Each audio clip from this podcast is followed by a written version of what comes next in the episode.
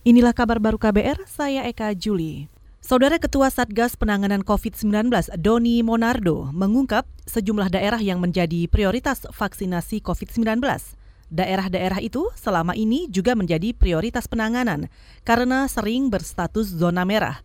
Namun belakangan ada beberapa daerah yang kasusnya mulai melandai kota-kota di Jawa, kecuali Yogyakarta dan Banten, kemudian Sumatera Utara, Kalimantan Selatan, kemudian Sulawesi Sulawesi Selatan, di Papua, jadi ada 10 semuanya. Riau, termasuk tambahannya adalah Bali, Aceh, dan juga kalau nggak salah Riau.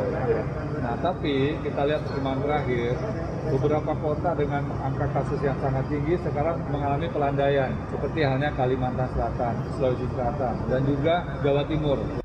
Itu tadi Ketua Satgas COVID-19 Doni Monardo saat kunjungan ke Balikpapan, Kalimantan Timur. Doni mengingatkan, meski vaksinasi segera dimulai, kepatuhan masyarakat terhadap protokol kesehatan tak boleh kendur. Ia menyayangkan hasil survei BPS yang mencatat masih ada 17 persen warga yang yakin tidak mungkin tertular virus corona. Kita ke Jawa Barat, pemerintah kota dan Kabupaten Cirebon sepakat untuk bersinergi memulihkan ekonomi yang terdampak pandemi COVID-19.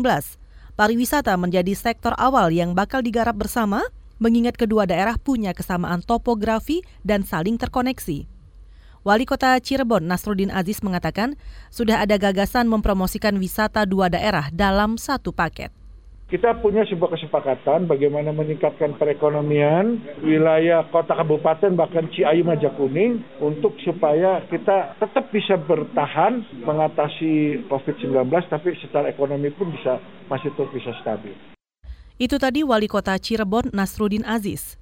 Ide itu sepenuhnya didukung Bupati Cirebon Imron Rosyadi. Menurutnya, kedua daerah punya potensi yang bisa saling melengkapi.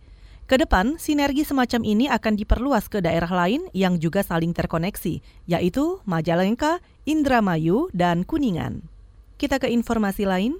Ketua Umum PBSI periode 2020-2024 Agung Firman Sampurna tengah menyusun kepengurusan baru yang harus rampung dalam 30 hari ke depan.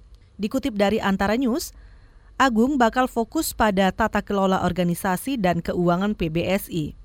Ia akan membentuk manajemen eksekutif yang kompeten dan rutin dalam pembinaan serta laporan. Agung yang juga ketua Badan Pemeriksa Keuangan BPK ini berjanji tidak akan ada politik balas budi dalam memilih pengurus PBSI. Dalam hal prestasi, ia menargetkan mampu merebut dan menyandangkan piala Thomas dan Uber. Pada Jumat pekan lalu, Agung terpilih secara aklamasi sebagai ketua PBSI menggantikan Wiranto. Ia merupakan calon tunggal karena rivalnya, Ketua Pengprom PBSI Banten Ari Wibowo tidak memenuhi batas minimal dukungan. Saudara demikian kabar baru, saya Eka Juli.